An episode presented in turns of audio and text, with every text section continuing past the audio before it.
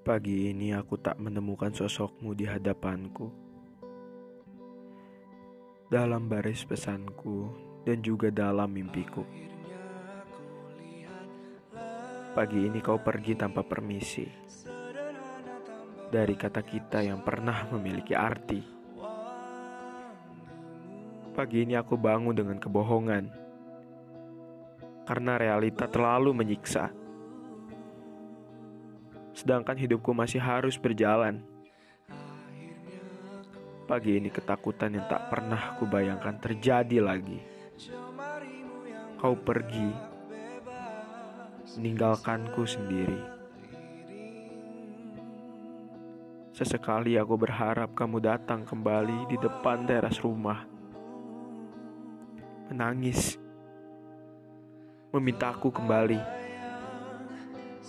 meminta maaf karena telah pergi. Halo, kamu yang telah jenuh dan merapuh lalu memutuskan untuk berhenti tumbuh. Di mana pun kamu berteduh saat itu, jangan pernah lupa bahwa kita selalu punya pilihan untuk kembali tumbuh. Kapan pun itu. Semoga peluh segera luruh dan gemuruh asa baru tak bakal runtuh. Yakinlah sayang bahwa diri yang baru akan semakin utuh sehingga jenuh selalu menjauh.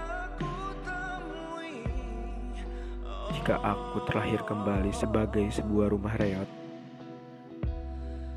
engkau akan melihat sisa-sisa air keruh bertetesan dari sela-sela retakan kaca jendelaku yang berdebu. Suaka yang catnya tak pernah diganti hingga terkelupas senti demi senti. Menyebabkan warna arang yang begitu kuat. Serta bukannya melati warna-warni yang dulu pernah terkenal di suatu kampung halaman. Jika hujan tiba, kutumpahkan seluruh isi bejana pikiranku dalam tetes tirta netra yang sebelumnya terterungku di dinding kaca. Berlapis kisi-kisi legam seakan tak pernah tersentuh air. Sepanjang sangkala masih bergulir. Tiap bata merah dan ubin yang kini keropos masih bersaksi dan mengamini agar suatu saat rembulan merah muda yang pernah kembali dimabuk dan dicambuk asmara kembali mengetuk pintu rahimku.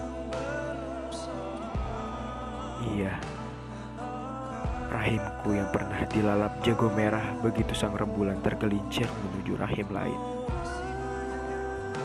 Apa salahnya jika aku seorang manusia biasa diberikan lebih dari satu rasa untuk saling mencintai. Tanya rahimku yang sekarat. Ya Tuhan, jika aku harus menanti dan menderita sepanjang usiamu, maka aku rela. Tapi untuk sekali saja, tautkanlah kembali orang-orang yang pernah merasakan cinta itu, walau hanya sebesit sekalipun.